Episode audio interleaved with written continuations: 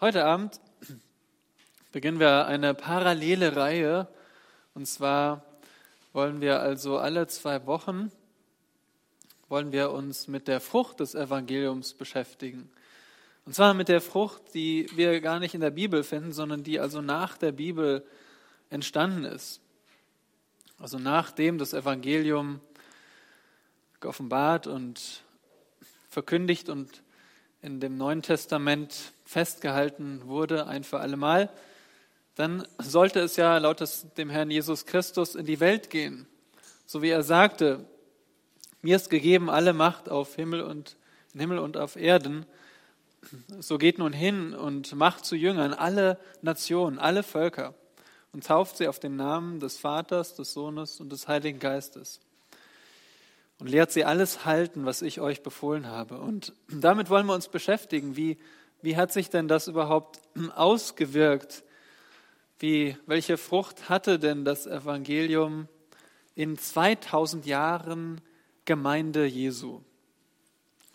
Und dieses ähm, ja, umfangreiche Thema haben also Dieter und ich ähm, mir vorgenommen, wobei wir nicht wissen, ähm, wie der Weg aussehen wird und wo wir hinkommen, aber wir wollen einfach mal beginnen, weil das Thema Geschichte der Gemeinde oder auch bekannt als Kirchengeschichte ist wichtig für uns und davon will ich euch gleich noch überzeugen. Und zunächst noch zu unserem Vater im Himmel beten. Lieber Vater im Himmel, wir kommen zu dir, denn du hast deinen Sohn gesandt, nicht damit er die Welt richte, sondern damit die Welt durch ihn gerettet werde. Unser Vater, diese Zeit, die wir jetzt haben, ist kostbar, denn du hast uns erlöst, damit wir Frucht bringen und wir wollen ebenso unsere, unserem Auftrag nachkommen und dich verherrlichen durch durch Frucht. Und wir erkennen, dass diese Frucht niemals losgelöst von dem Herrn Jesus, von deinem Sohn, dem Weinstock geschieht. Und so danken wir dir für die wahre Frucht, die allein du gewirkt hast. Und das ist auch, was wir in unserem eigenen Leben erkennen, dass wir gar nicht fähig sind, das zu produzieren, was ewigen Wert hat. Das liegt allein in deiner Hand und wir können nur Diener dabei sein. Wir können nur Zuschauer oft sein, wie du wahre, echte Frucht wirkst. Und gleichzeitig wissen wir, Vater, dass dein Feind, der Satan, dass er falschen, bösen Samen sät und Unkraut aufwächst und wir trennen müssen zwischen dem, was wahrhaftig ist und dem, was falsch ist. Hilf uns, dass wir Unterscheidungsvermögen lernen, dass wir aber auch wahre Freude erfahren daran, was du an Frucht gewirkt hast, deren Nutznießer wir sind. Wir sind deine Frucht. Nun, Vater, bitte ich dich für diese Dreiviertelstunde, dass du mir Weisheit gibst, was ich sage, sodass es zu unserer gegenseitigen Erbauung dient. Amen. Der Jesus hat gesagt in Matthäus 16, Vers 18 zu Petrus, du bist Petrus und auf diesen Felsen will ich meine Gemeinde bauen. Und die Pforten des Totenreiches sollen sie nicht überwältigen. Das hat der Jesus getan, gesagt und er hat es auch getan. Er hat seine Gemeinde gebaut. An dieser Stelle möchte ich euch aber zunächst einmal ähm, mit der Frage konfrontieren, warum sollten wir das tun? Warum sollten wir uns jetzt mit Kirchengeschichte beschäftigen? Eine Geschichte, die nicht in der Bibel zu finden ist und über die Bibel hinausgeht. Warum sollten wir damit unsere Zeit am Mittwochabend verwenden? Und ich möchte euch acht Gründe nennen, warum wir die Geschichte der Gemeinde gemeinsam studieren. Der erste Grund lautet, beseitige deine Unwissenheit. Häufig sind wir als Christen unwissend darüber, was eigentlich vor uns war. Wir sind vielleicht im christlichen Elternhaus aufgewachsen oder erst später zum Glauben gekommen und nun da, jetzt sind wir in einer Gemeinde, wir sind Christen, aber was, was haben eigentlich die Christen in den letzten 2000 Jahren vor uns erlebt? Diese Unwissenheit wollen wir ein Stück weit weiter beseitigen. Zweitens, betrachte Gottes Geschichte mit uns. Wenn du Christ bist, dann bist du Teil eines Leibes, äh, des Leibes Jesu Christi. Die Gemeinde ist die Braut Christi, die, der Leib Christi. Und wir alle sind Glieder an diesem Leib. Deswegen ist es unsere Geschichte, auf die wir jetzt zurückblicken. Sie ist mit uns verbunden, so eng wie wir mit dem Herrn Jesus Christus verbunden sind. Drittens, bezeuge Christi Treue. Er hat es versprochen, seine Gemeinde zu bauen und es ermutigt uns, wenn wir das auch tatsächlich in der Geschichte bestätigt sehen. Viertens, bestaune die Bewahrung der Wahrheit. Wir sehen in dem Neuen Testament, wie der Herr Jesus seine Botschaft seinen Jüngern anvertraut hat. Aber diese Jünger waren nicht die, waren nicht das Ziel allein, es war keine Sackgasse, sondern sie sollten Kanäle sein, durch die die wahre Botschaft weitergetragen wird an, an Menschen, die es dann auf treue Weise weitergeben und so weiter. Und das wollen wir sehen. Der Herr hat seine Wahrheit bewahrt über die Jahre, sonst wären wir, hätten wir das wahre Evangelium niemals gehört. Fünftens, beherzige vergangene Irrtümer. Die Geschichte wiederholt sich und deswegen sollen wir aus der Geschichte lernen, vor allem von Irrtümern, die proklamiert wurden und geglaubt wurden und die zum, zum irrenden Leben geführt haben. Wir wollen aus Fehlern lernen, so wie Paulus sagt, schaut euch die Israeliten an, die gemurrt haben in der Wüste, macht es ihnen nicht gleich. Und so wollen wir von äh, sogenannten Christen lernen, die in die Irre gegangen sind, die womöglich gar nicht wiedergeboren waren.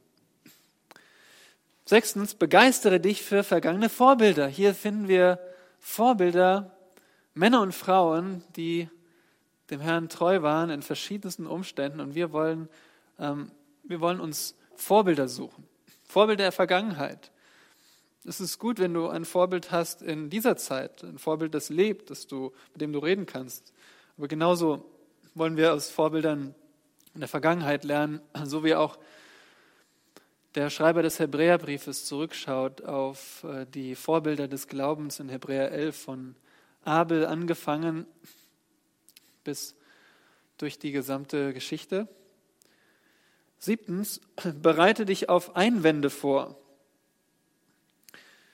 Wisst ihr, unsere Geschwister in 2000 Jahren Gemeindegeschichte, sie haben wirklich sehr ähnliche Situationen erlebt. Sie waren konfrontiert mit populären Mythen. Sie waren konfrontiert mit gottlosen Philosophien. Sie waren konfrontiert mit einem unmoralischen Lebensstil, einer gottlosen Regierung, die äh, immer mehr sich von Gott entfernt hat. Sie waren konfrontiert mit Sekten. Da gab es verschiedenste, verschiedenste Sekten und es war nicht so, ah, ihr seid die Christen, genau, ihr seid diese Gruppe und wir kennen euch. Nein, da gab es auch verschiedenste andere Gruppen und Sekten und es war nicht so klar, was ist eigentlich jetzt der Unterschied. Und deswegen haben sie sehr ähnliche Situationen erlebt und wir, wenn wir das kennen, wenn wir die Kirchengeschichte kennen, dann sind wir vorbereitet auf die Einwände, die uns heutzutage begegnen. Und achtens und letztens, begreife deine eigene Rolle in der Geschichte. Wisst ihr, wenn wir auf die Geschichte der Gemeinde blicken, dann hilft es uns ungemein. Es zum Beispiel ähm, hilft es uns in unserem Stolz. Wir können leicht denken, wenn wir die Geschichte nicht denken, nun, wir wir haben es erfasst, wir sind die, die Besten, äh, wir stehen auf dem, auf einer langen Tradition. Nein, wir sind, wir sind nicht die, die Besten. Wir sind auch nicht die Ersten, die richtig liegen. Wir sind einfach ein Glied in einem langen Strang der Wahrheit, die weitergegeben wurde. Und wir sind auch nicht die Einzigen, durch die Gott wirken kann.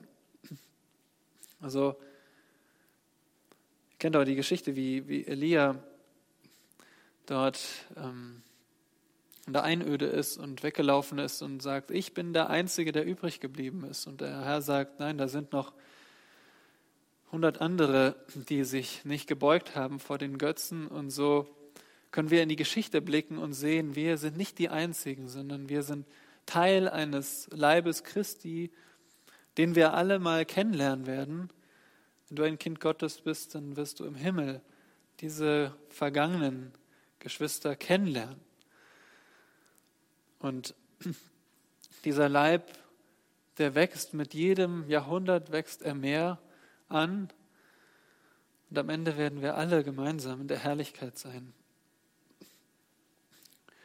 Wir sind also Teil etwas viel Größeren, Teil der Gemeinde, Gemeinde Jesu.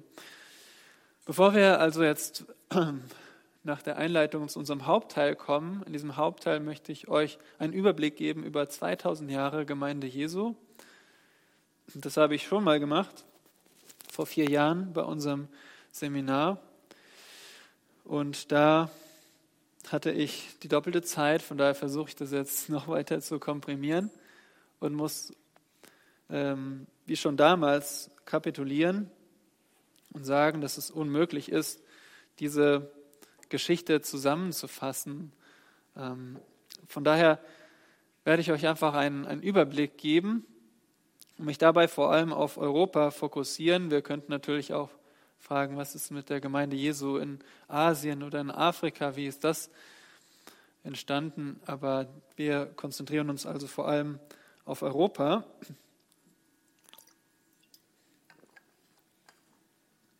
Und Ihr kennt den Ausdruck Kirchengeschichte.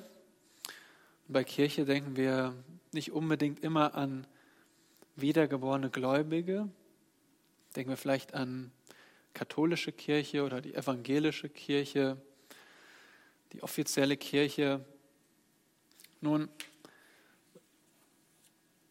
wie gesagt, äh, Kirche war nicht immer nur die wahre Gemeinde von wiedergeborenen Gläubigen, und so beschäftigen wir uns auf der einen Seite mit Kirchengeschichte, also mit, mit der Geschichte derer, die sich zum Christentum bekannt haben. Aber nicht jeder davon war automatisch auch ein wiedergeborenes Kind Gottes. In manchen Zeiten war die wahre Gemeinde eher verborgen. Da konnte man nicht sagen, okay, diese, diese Gruppe, das war jetzt die wahre Gemeinde. So ist es auch heute.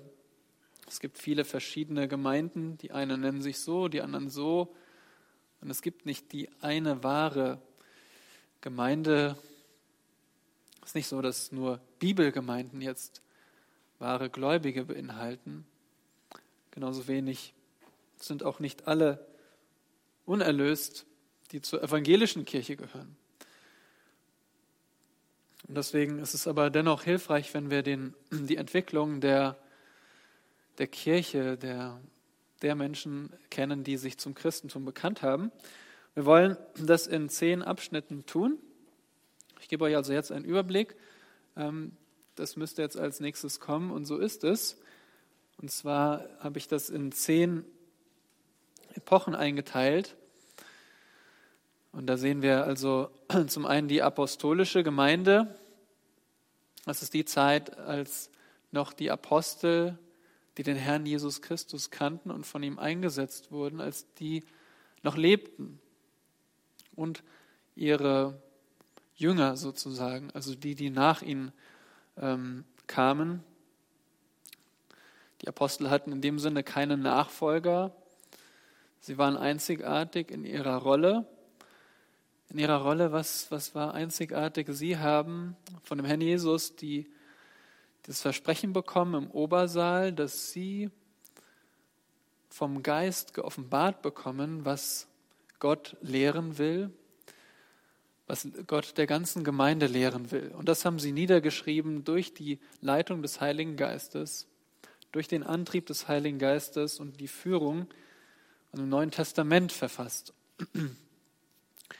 Aber sie hatten keine Nachfolger, die jetzt äh, dem etwas hinzuzufügen hatten. Nein, sie hatten Nachfolger in dem Sinne, dass sie auch Freunde hatten oder, oder Schüler hatten und die haben die Botschaft von ihnen weitergesagt und weitergetragen. Also wir haben die apostolische Gemeinde und dann begann eine Zeit von 200 Jahren, in der die Gemeinde Jesu ähm, immer wieder massiv verfolgt wurde. Und deswegen das ist das die Zeit der verfolgten Gemeinde. Nun, hier könnten wir jetzt ein Missverständnis kreieren, dass nur damals die Gemeinde verfolgt war in diesen 200 Jahren. Aber das ist nicht so. Christen wurden durch die Jahrhunderte hinweg immer wieder verfolgt, auf unterschiedlichste Weise. Das war, kann auch einfach so gewesen sein, dass sie verspottet wurden, dass ihnen bestimmte Berufe nicht offen standen. Es kann auch bedeutet haben, dass sie inhaftiert wurden oder sogar, dass sie getötet wurden. Aber Christen wurden es immer verfolgt auf ja, zu einem unterschiedlichen Schweregrad, weil der Herr Jesus gesagt hat, erinnert ihr euch, er hat gesagt, wenn die Welt mich gehasst hat, sagt der Herr Jesus, dann wird sie euch auch hassen, denn ihr seid meine Sklaven, ihr seid meine Nachfolger. Aber besonders in, dieser, in diesen 200 Jahren wurde die Gemeinde verfolgt, bevor dann eine Zeit begann, als das Christentum toleriert wurde und schließlich sogar zur Staatsreligion wurde. Das nennen wir die imperiale Gemeinde, die Gemeinde im römischen Imperium. Und dann seht ihr einen, ja, einen Abschnitt, der umfasst also 1000 Jahre und der hat den Titel Die mittelalterliche Gemeinde. Das ist die Zeit des Mittelalters. Und auch der Begriff Mittelalter ist ja auch jetzt nicht so viel sagend. Das heißt einfach, es ist mittendrin. Er wurde, damals haben die Leute nicht gesagt, hey, freust du dich auch? Wir leben im Mittelalter. Nein, damals äh, haben sie das nicht so genannt, weil äh, bei Mitte denken wir ja an etwas, was zwischen zwei anderen Dingen ist.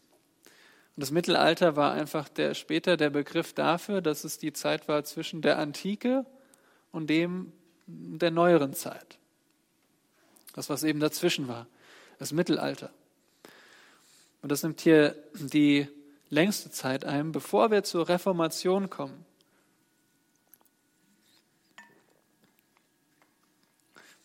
Die reformatorische Gemeinde eine Zeit, in der das Evangelium Gottes wieder entdeckt wurde und neue Frucht brachte auf besondere Weise.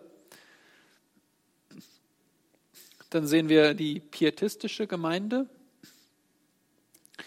eine Zeit, als die Reformation so wieder abflaute, als diese Begeisterung an Erneuerung wieder weniger wurde und es eher leblos war. Und dann gab es Christen, denen, denen neu wichtig wurde, dass, dass das Christentum nicht nur bedeutet, die richtige Lehre zu haben, sondern dass sie auch unser Leben neu macht. Das war die Zeit des Pietismus und Darauf folgte oder zum Teil überschnitt es sich mit großartigen Erweckungen. Was ist eine Erweckung? Nun, eine Erweckung ist ein Wirken Gottes. Wenn er auf besondere Art und Weise den Menschen die Augen öffnet, dafür, wer er ist und was unsere Sünde bedeutet, wie groß unsere Sünde ist, dass wir umkehren müssen zu dem Herrn und dass er das Leben völlig umkrempelt, umgestaltet und neu macht. Und das ist zu diesen Zeiten geschehen. auch sehr sichtbar für die Gesellschaft. Und dann gab es eine Zeit, wo den Christen Mission sehr wichtig wurde. Also die missionarische Gemeinde, eine Zeit, wo die Christen ähm, dieses Ziel hatten, wir wollen in die ganze Welt hinausgehen und dort das Evangelium verkünden. Und auch hier, das war nicht das erste Mal, wo zu der Zeit das Christen ähm, überhaupt Mission wichtig fanden. Das Christentum hat ja begonnen, unser Glaube hat begonnen damit, dass es einen Paulus gab, der zu den Heiden gegangen ist und ihnen das Evangelium verkündigt hat und mit ihm die anderen Apostel, die ihren Wohnort verlassen haben, die in die Welt gegangen sind, um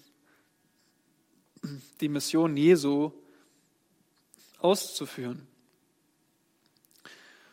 Dann sehen wir noch zwei Abschnitte, die vielleicht erstmal etwas eigenartig klingen, die fundamentalistische Gemeinde und die evangelikale Gemeinde.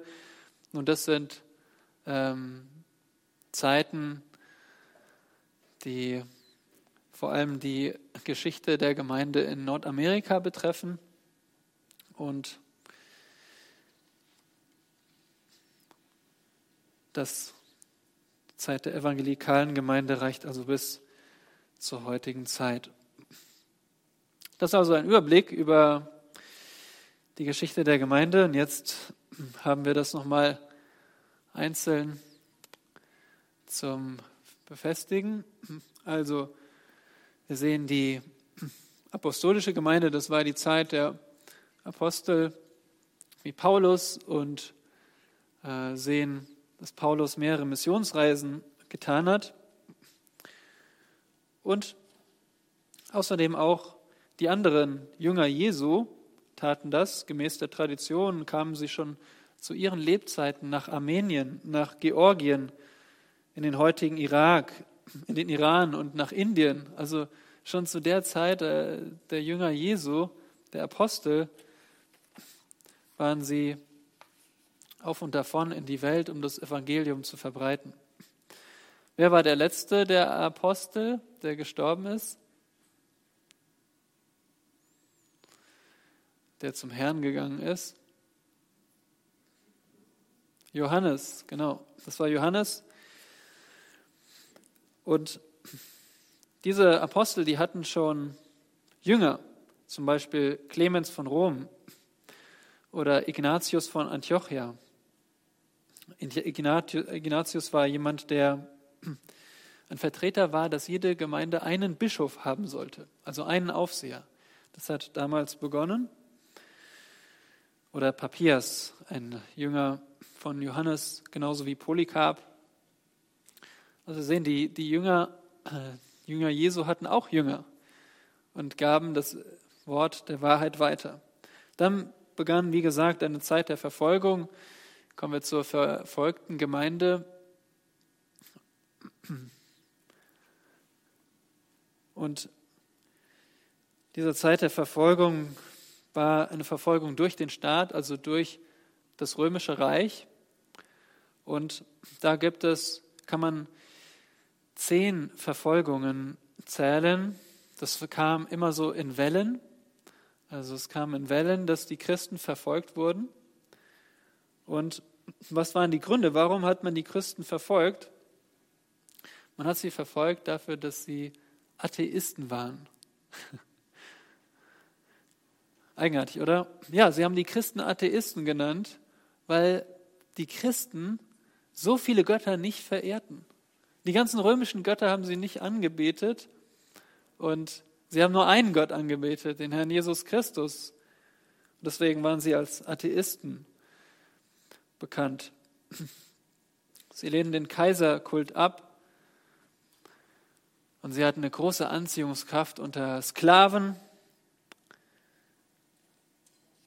Und auch in dieser Zeit breitete sich das, die Gemeinde weiter aus, zum Beispiel nach dem heutigen Frankreich, nach Deutschland, nach Nordafrika und Zentralasien.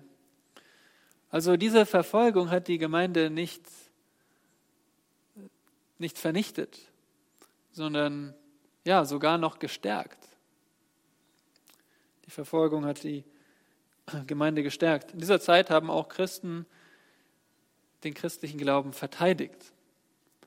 Ist interessant, oder? Sie haben also nicht äh, gesagt, ja, wir sollen ja leiden und wir nehmen das jetzt einfach so an und wir warten jetzt drauf, bis wir sterben und zum Herrn gehen.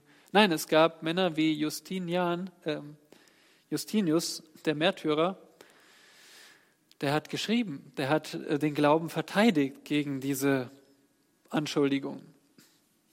Interessant, was wir davon lernen können,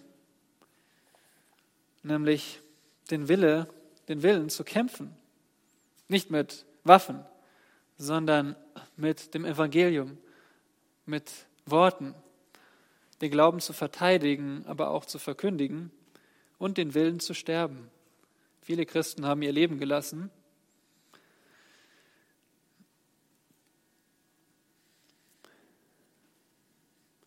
Und so können wir aber auch ähm,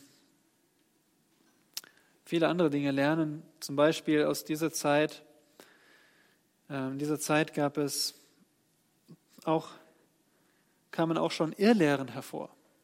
Das heißt, das, das, der christliche Glaube war noch gar nicht so alt und schon gab es äh, viele verschiedene Irrlehren. Und gerade deshalb waren die Christen herausgefordert, was sie glauben, klar zu formulieren. Und davon können wir lernen, dass es, dass es wichtig ist, dass wir präzise sind, wie wir unseren Glauben ausdrücken. Dass wir das nicht nur so sagen, wie es uns gerade in den Mund fällt, sondern dass wir uns überlegen, was bedeutet es, dass Jesus Christus Mensch wurde. Hatte er wirklich einen menschlichen Leib? Oder ist er irgendwann zum Sohn Gottes geworden? War er schon immer der Sohn Gottes? Und hat er irgendwann mal seine Eigenschaften als Gott aufgegeben? Solche Fragen, äh, mit solchen Fragen waren die Christen konfrontiert, weil es Irrlehren gab, die die wahre Lehre über Jesus vor allem zu dieser Zeit angriffen. In dieser Zeit der verfolgten Gemeinde wurde auch, wurden auch die Bücher des Neuen Testaments vervielfältigt und verbreitet. Und das war gar nicht so einfach durch die Verfolgung. Und sie wurden, die wahren äh, Bücher des Neuen Testaments wurden getrennt von dem, was, was nicht von Gott inspiriert war. Und schließlich wurde es dann im vierten Jahrhundert bestätigt von der Gemeinde. Das war dann schon in der Zeit der imperialen Gemeinde. Das ist also der nächste Abschnitt. Da seht ihr verschiedene ähm, Ereignisse, die sind hier so oben gekennzeichnet. Das sind Städtenamen und dort haben sich Vertreter der Gemeinde Jesu getroffen, um über solche Fragen zu beraten. Und gemeinsam zu festzuhalten, was sie glauben. Das war jetzt möglich, weil das Christentum war jetzt toleriert, es war nicht mehr verfolgt in dieser Zeit. Und es hatte Vor- und Nachteile. Man war jetzt nicht mehr verfolgt, man musste nicht mehr mit dem Leben bezahlen, aber jetzt auf einmal war es dann auch so, dass Menschen sich zum Christentum bekannt haben, die aber gar nicht wiedergeboren waren, es kostete ja nichts, Christ zu sein. Es kostete nicht mehr so viel. Und es war jetzt legal, Christ zu sein. Und das führte dazu, dass es also auch Menschen gab, die sich nur äußerlich zum Christentum bekannt haben.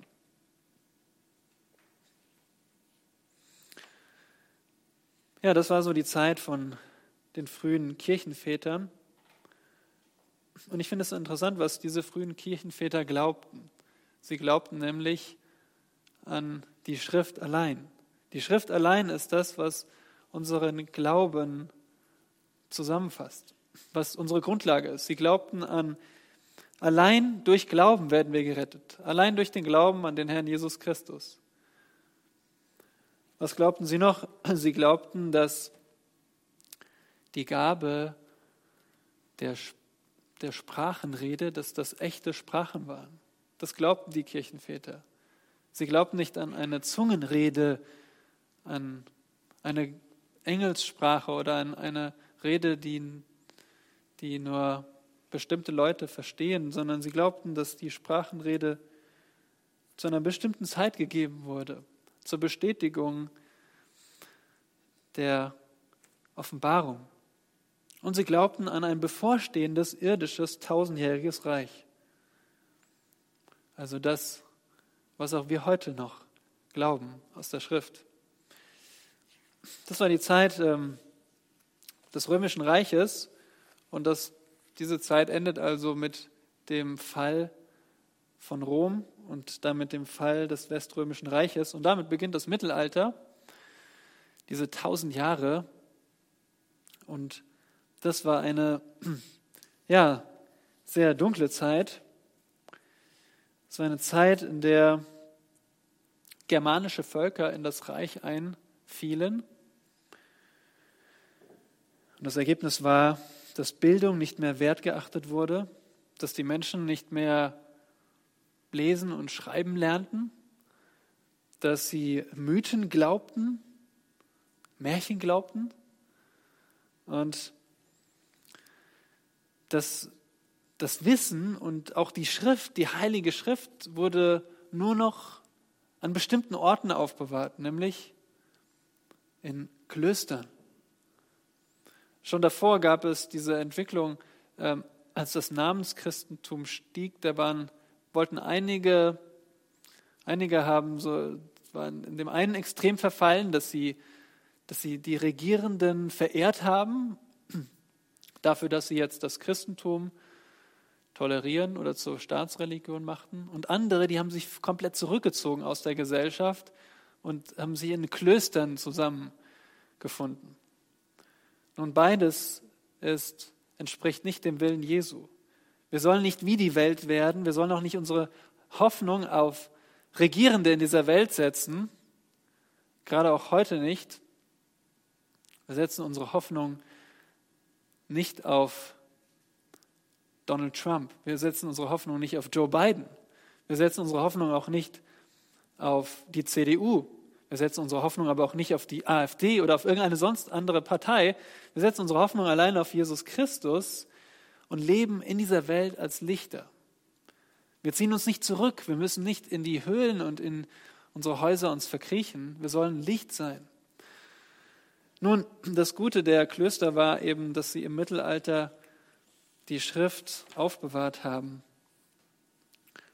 Und immer wieder gibt es auch Lichtblicke in dieser Zeit des ähm, geistlich dunklen Mittelalters.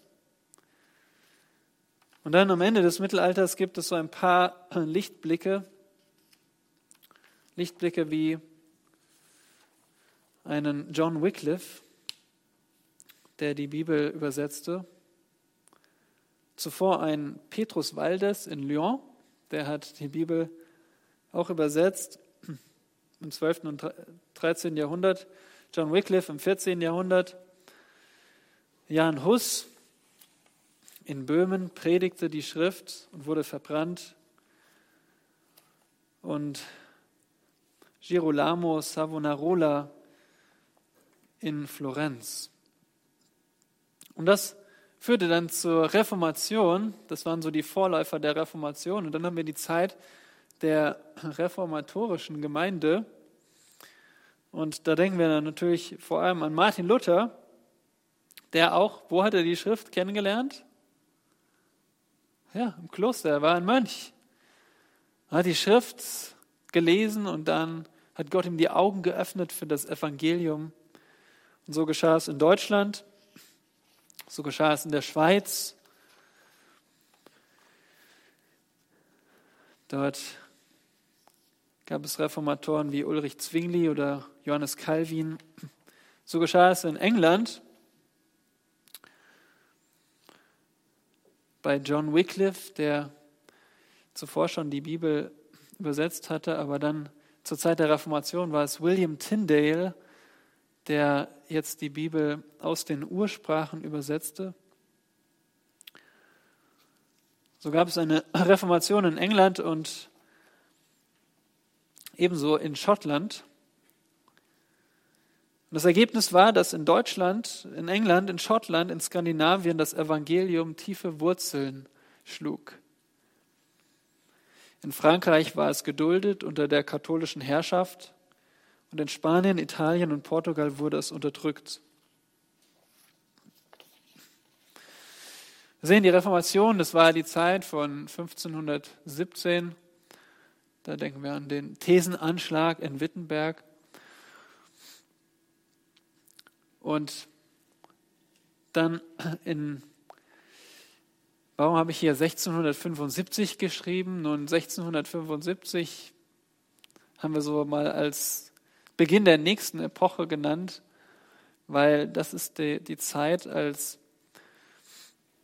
Philipp Jakob Spener, ein Professor in Halle, ein Buch veröffentlichte, Pia Desideria, über die Gottes, Gott, Gottesfurcht oder Gottseligkeit.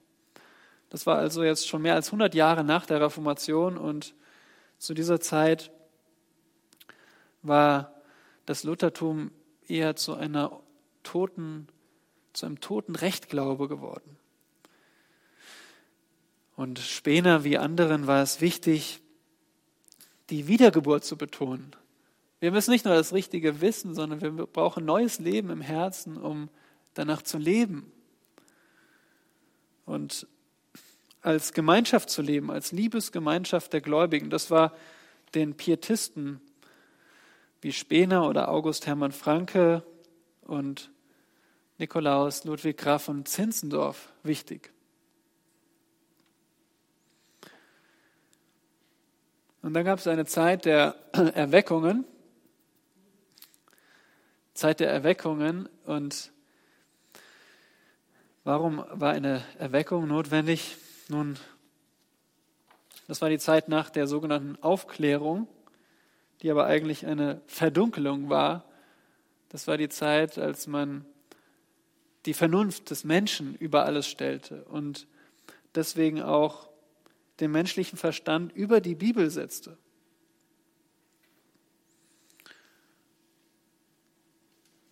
Und Wissenschaft getrennt von Theologie betrachtete. Und ja, in dieser Zeit war Erweckung dringend notwendig. Es gab Erweckung in Amerika. Was heißt eigentlich Erweckung? Nun, das heißt zum Beispiel, dass ähm, dort, wo Jonathan Edwards predigte, sich innerhalb von drei Monaten die Hälfte der aller Erwachsenen bekehrte. Oder dass als George Whitfield predigte in Amerika in diesen, äh, in diesen Kolonien, dass da fast eine ganze Stadt umgekrempelt wurde, weil so viele Menschen sich bekehrten. Das war die Zeit der Erweckung in Amerika und auch in Deutschland gab es Erweckung, auch als gegen Gottes Gegenmittel gegen die Aufklärung. Zum Beispiel auch, also neben Württemberg, auch im Siegerland, am Niederrhein, in Baden, in Bayern und in Berlin. Es gab Erweckung in Berlin, ungefähr zu Beginn von dem 19. Jahrhundert. Und das ging von einer böhmisch-lutherischen Gemeinde aus.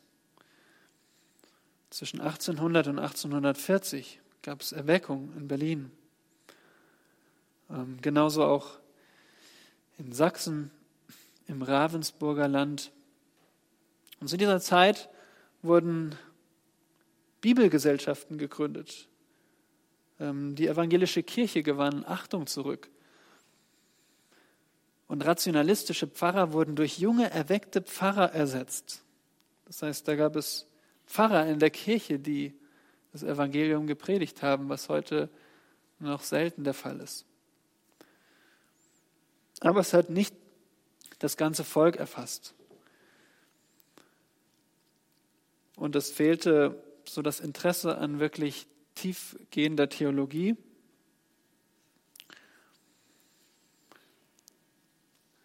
Dann kommen wir zur missionarischen Gemeinde.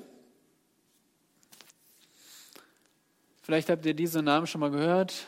William Carey, Missionar in Indien, oder Adoniram Judson oder Hudson Taylor. Hudson Taylor ist äh, nach China gegangen. Das waren also Zeiten, als die Christen, den Christen es wichtig war, in die Welt zu gehen. Denn nach der Reformation gab es nur begrenzte Missionsarbeit. Da gab es diese, den Irrtum, dass der Missionsbefehl nur den Aposteln gegeben wurde, zum Beispiel. Und, aber in dieser Zeit ähm, gingen die Christen vermehrt in alle Welt. Und es wurden auch zahlreiche Missionsgesellschaften gegründet. Die Menschen gingen nach Alaska, Lateinamerika, Guatemala, Venezuela, Argentinien, Nordafrika, Nigeria, Kenia, Namibia, Iran, Indien, Thailand, China, Japan, Neuguinea und Neuseeland. Aber Deutschland hatte genauso auch Mission nötig. Und in dieser Zeit entstanden auch viele unserer Denominationen, wie die Baptisten oder die freie evangelischen Gemeinden, Brüdergemeinden, Methodisten und Mennoniten sind zu dieser Zeit gegründet worden. Dann noch zum Schluss ähm, die Zeit Ende des 19. Jahrhunderts, die fundamentalistische Gemeinde, bei Fundamentalismus denken wir vielleicht irgendwie an irgendwelche ähm, ja, Verrückten oder so oder ähm, radikale Menschen. Nein, aber bei, diesem, bei dieser Epoche ging es darum, dass leider ging es von Deutschland aus, dass Gelehrte die Bibel kritisiert haben, dass sie die Irrtumslosigkeit der Schrift verworfen haben und die Bibel auseinandergenommen haben aus ihrer, aus ihrer rationalistischen Denkweise und atheistischen Denkweise. Und das hat sich nach, ähm, auch in die ganze Welt verbreitet, auch zum Beispiel nach Amerika.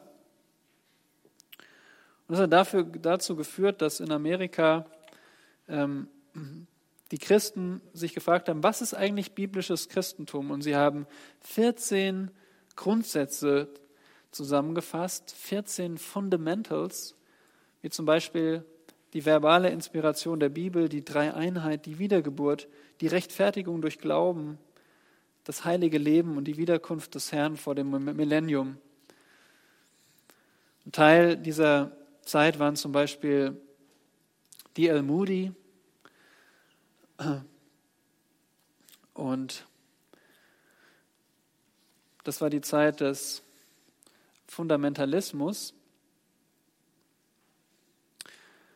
Und in dieser Zeit gab es dann eine Trennung in Amerika in, in, Fundamentalisten, die sich, die sehr Wert darauf gelegt haben, sich von anderen christlichen Gruppierungen abzusondern. Das war ihr Hauptmerkmal. Und dann gab es aber auch die sogenannten neuen Evangelikalen. Die glaubten auch an diese Grundsätze, aber sie blieben in ihren Denominationen und waren weniger kritisch gegenüber anderen. Und das hat dann dazu geführt, dass es eben diese, dass die sogenannte evangelikale Gemeinde begonnen hat. Und das hatte einen guten Beginn, nämlich das Evangelium wurde neu betont, es wurde ähm, das Evangelium verkündigt. Zum Beispiel, ein Beispiel ist Billy Graham. Er ist ein Beispiel für einen evangelikalen Prediger, der aus diesem sich absondernden Fundamentalismus herausgekommen ist, aber leider auch mit liberal denkenden Leuten zusammengearbeitet hat und auch die römisch-katholische Leiter zu seinen Kampagnen einlud. Und so machte der Evangelikalismus immer mehr Kompromisse mit den Kernwahrheiten der Bibel. Und so ist das Ergebnis, das ist hier eine gute Zusammenfassung. Der Fundamentalismus verlor die Stimme und der Evangelikalismus verlor die Botschaft.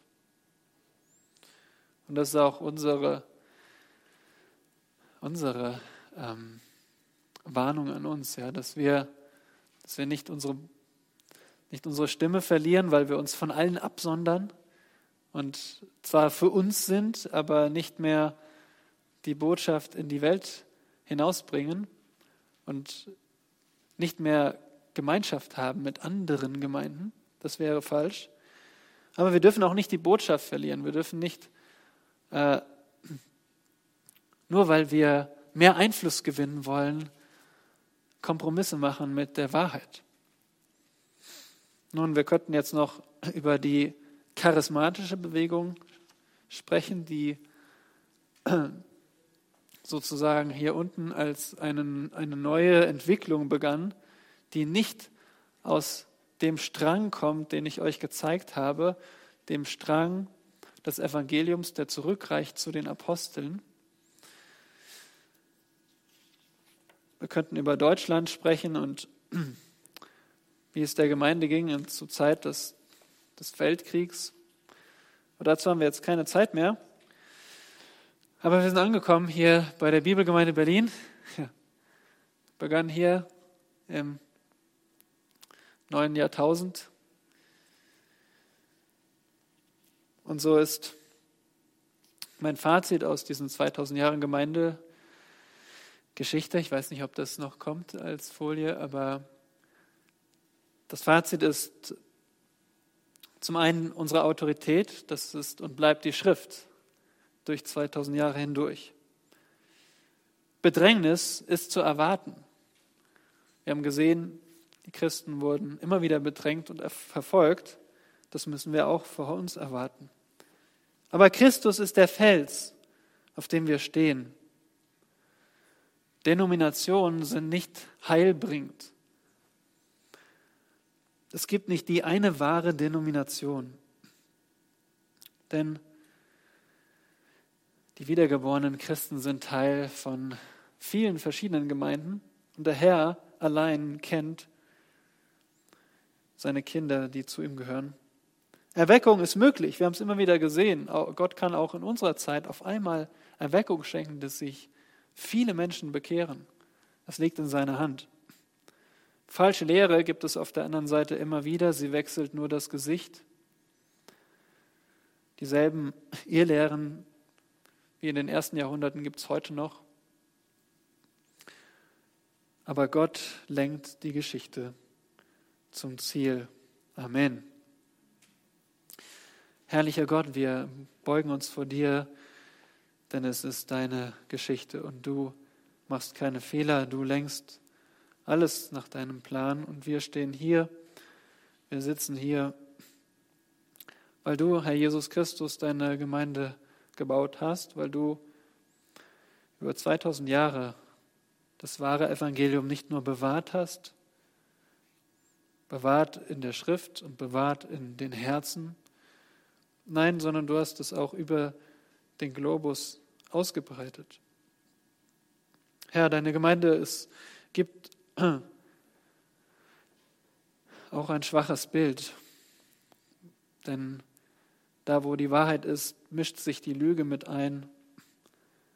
Und solche, die etwas darstellen in dieser Welt, haben meist schon die Botschaft aufgegeben. Danke, dass du wiederkommst, Herr, und dass du deine Braut vollkommen machst und dass dann deine Herrlichkeit auch jedem offenbar wird.